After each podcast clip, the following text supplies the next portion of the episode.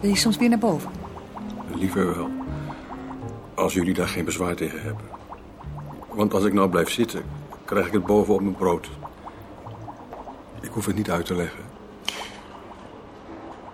In andere omstandigheden zou hij gezegd hebben... natuurlijk moet je het uitleggen, ik ben nu helemaal belazerd. Die neiging had hij nu ook, maar hij bedwong hij.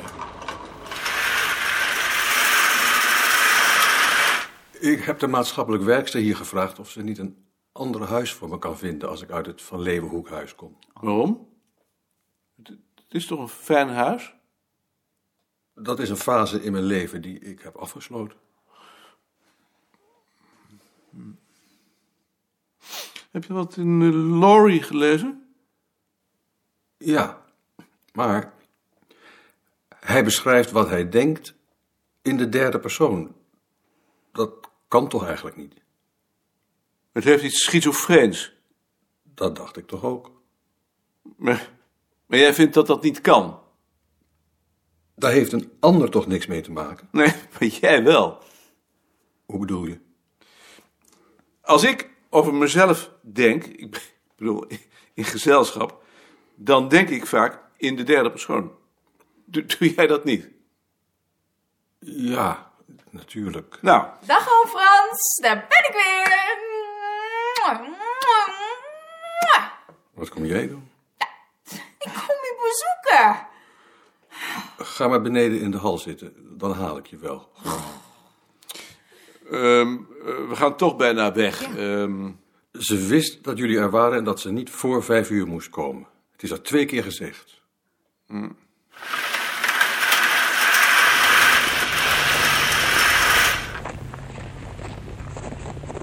Gek, hè? Van die katten. Dat hij dat met Kees geregeld heeft zonder ons daarin te kennen.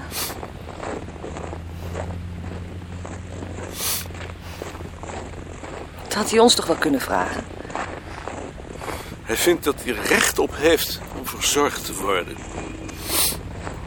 Maar ik vond het van het huis nog veel gekker. Nee. Vond ik niet. Huis toch niet zomaar in de steek. Je weet toch niet hoe je zelf zou reageren? Misschien is het wel beter.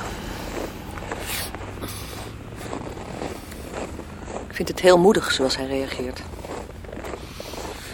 Ik zou ieder detail over mijn katten en mijn huis willen horen. Omdat je mij hebt. Omdat je weet dat ik ervoor zorg. Hij weet dat wij ervoor zorgen. Het is net als een plotselinge afhankelijkheid van Kees. Een volkomen gebrek aan loyaliteit tegenover het verleden... omdat de omstandigheden daarom vragen.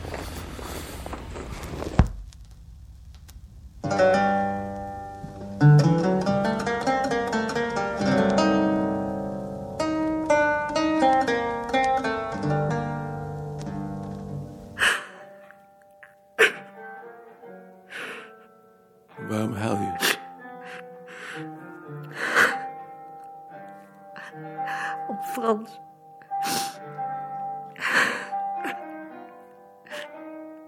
Heb je er zo'n verdriet om? Ja.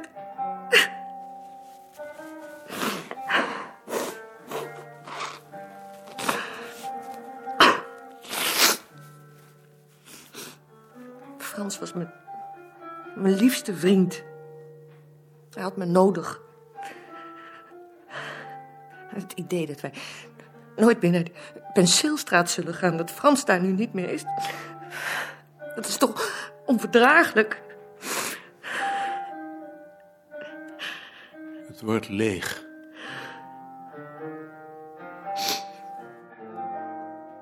Voor zijn ogen zag hij de plattegrond van Amsterdam veranderen. Herengracht, Penseelstraat. Er viel daar een steunpunt weg. Alsof ze hun evenwicht verloren.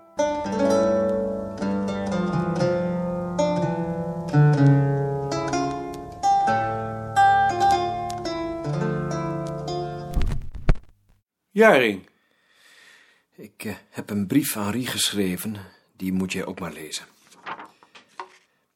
En ik kom zeggen dat ik naar huis ga, want ik ben niet goed. je bent ziek. Ik denk dat ik weer overwerkt ben. Moet ik je ziek melden? Dat zal ik zelf wel doen. Goed. Het beste.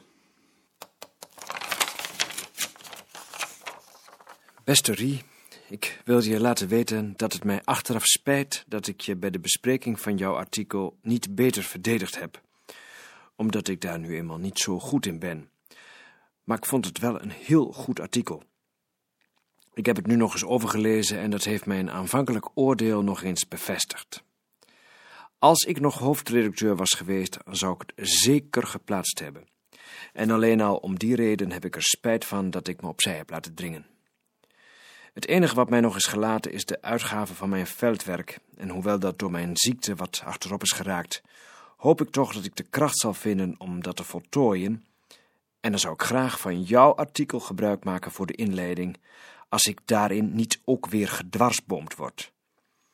Onnodig te zeggen dat ik het met het beleid van de huidige hoofdredacteur volstrekt niet eens ben en ook niet met zijn opvattingen over de politiek van de afdeling.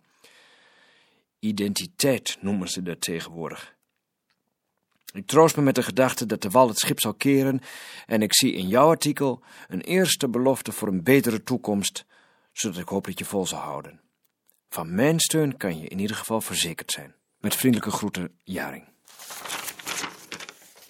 Langzaam vulde de leegte waarin hij verkeerde zich met zelfbeklag. Hij had dit niet verdiend. Al herinnerde hij zich nu Jarings venijnige uitval bij de uitreiking van zijn prijs. Die rancune was er dus al veel langer geweest. Ze miste alleen in zijn ogen iedere grond, zodat hij er geen aandacht aan had besteed. Het gaf hem het gevoel of hij zonder het te weten al die tijd op drijfzand had gelopen. God mocht weten hoe er door de anderen op de afdeling over hem gedacht werd.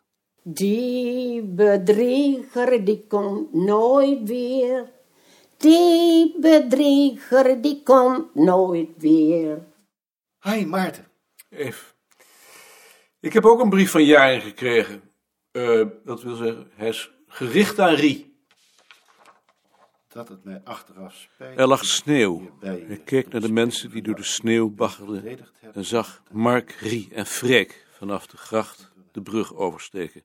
Rie in een wijde grijze cape met een wat ronde rug, waaruit haar hoofd dan weer omhoog stak, de beide mannen aan weerskanten. Mark strompelend bijziend, Freek rechtop gefrustreerd. Een heks met twee wat zielige trawanten van de duivel. Opvatting over de politiek van de afdeling. En? Wat eh, vind je er zelf van? Afschuwelijk stuk. Vals, rancuneus, heel triest. Je had hem veel harder moeten aanpakken. Hoe? Het is net als bij het kinderen van anti-autoritaire ouders. Die die wreken zich. Hij reageert zijn frustraties op jou af. En doordat je daar nooit tegenin bent gegaan, is hij nog meer gefrustreerd geraakt. Denk je? Het is een schoolvoorbeeld van projectie. Gesteld al dat ik dat gekund had, dan zou ik hem nog meer gefrustreerd hebben. Je kunt dat alleen doen als iemand zichzelf vervolgens kan waarmaken, en dat kan hij niet. Maar nu moet hij zichzelf erkennen dat hij een slappe zak is. En dat kan hij ook niet. Dat kan niemand. W- Wat, eh, wat doe je er nu mee? Dat weet ik nog niet. Het heeft ook geen haast, want hij is ziek naar huis gegaan. Die bedrieger die komt nooit weer. Die bedrieger die komt nooit weer. Jaring heeft een brief aan Rie geschreven. Komt die van Rie? Nee, van Jaring. Dan heeft hij hem natuurlijk achteraf zitten knijpen dat Rie hem toch zou laten lezen. Zou best eens kunnen, maar wat moet ik ermee? Ik zou hem negeren. En als hij ernaar vraagt? Ik denk niet dat hij ernaar vraagt. Als hij ernaar vraagt, zeg ik dat het een valse brief is. Vals en triest. Ja, zo ben jij. Jij zegt die dingen, ik zou dat niet doen. Ik zou zeggen, schrijf nog eens zo'n brief. Dan heeft hij er geen plezier van. Het liefst zou ik de hele troep eruit mieteren. Dat lukt je niet. Dat verlies je. Balk heb je sowieso tegen. Wetenschapscommissie staat achter Balk. Die wil geen gedonder. Dan neem ik ontslag. Dan zou ze alleen maar lol hebben. En dat zou ik ze niet gunnen als ik jou was. Die bedrieger die komt nooit weer. Die bedrieger die komt nooit weer. and recollect the Dag Anton.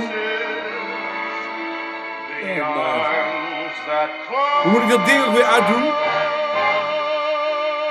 Oh. Nee, nee. Oh. Oh. Zo?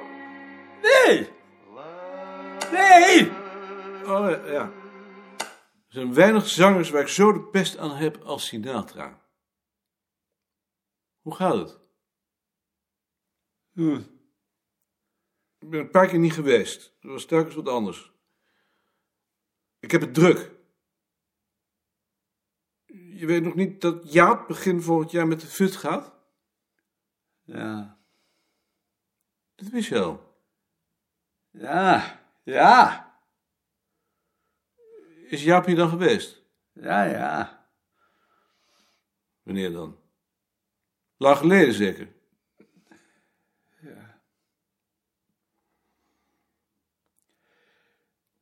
Uh, om, om, om. Jawel. De bonbons zijn op. Nee.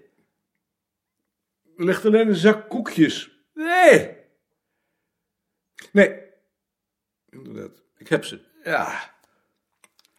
Je geheugen is nog goed. Herinner jij Frans Veen nog? Ja. Die heeft kanker. Botkanker. Nee.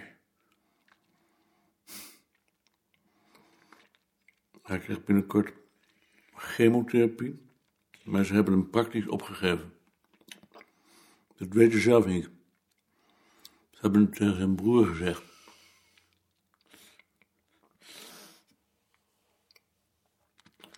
Dat emotioneert je?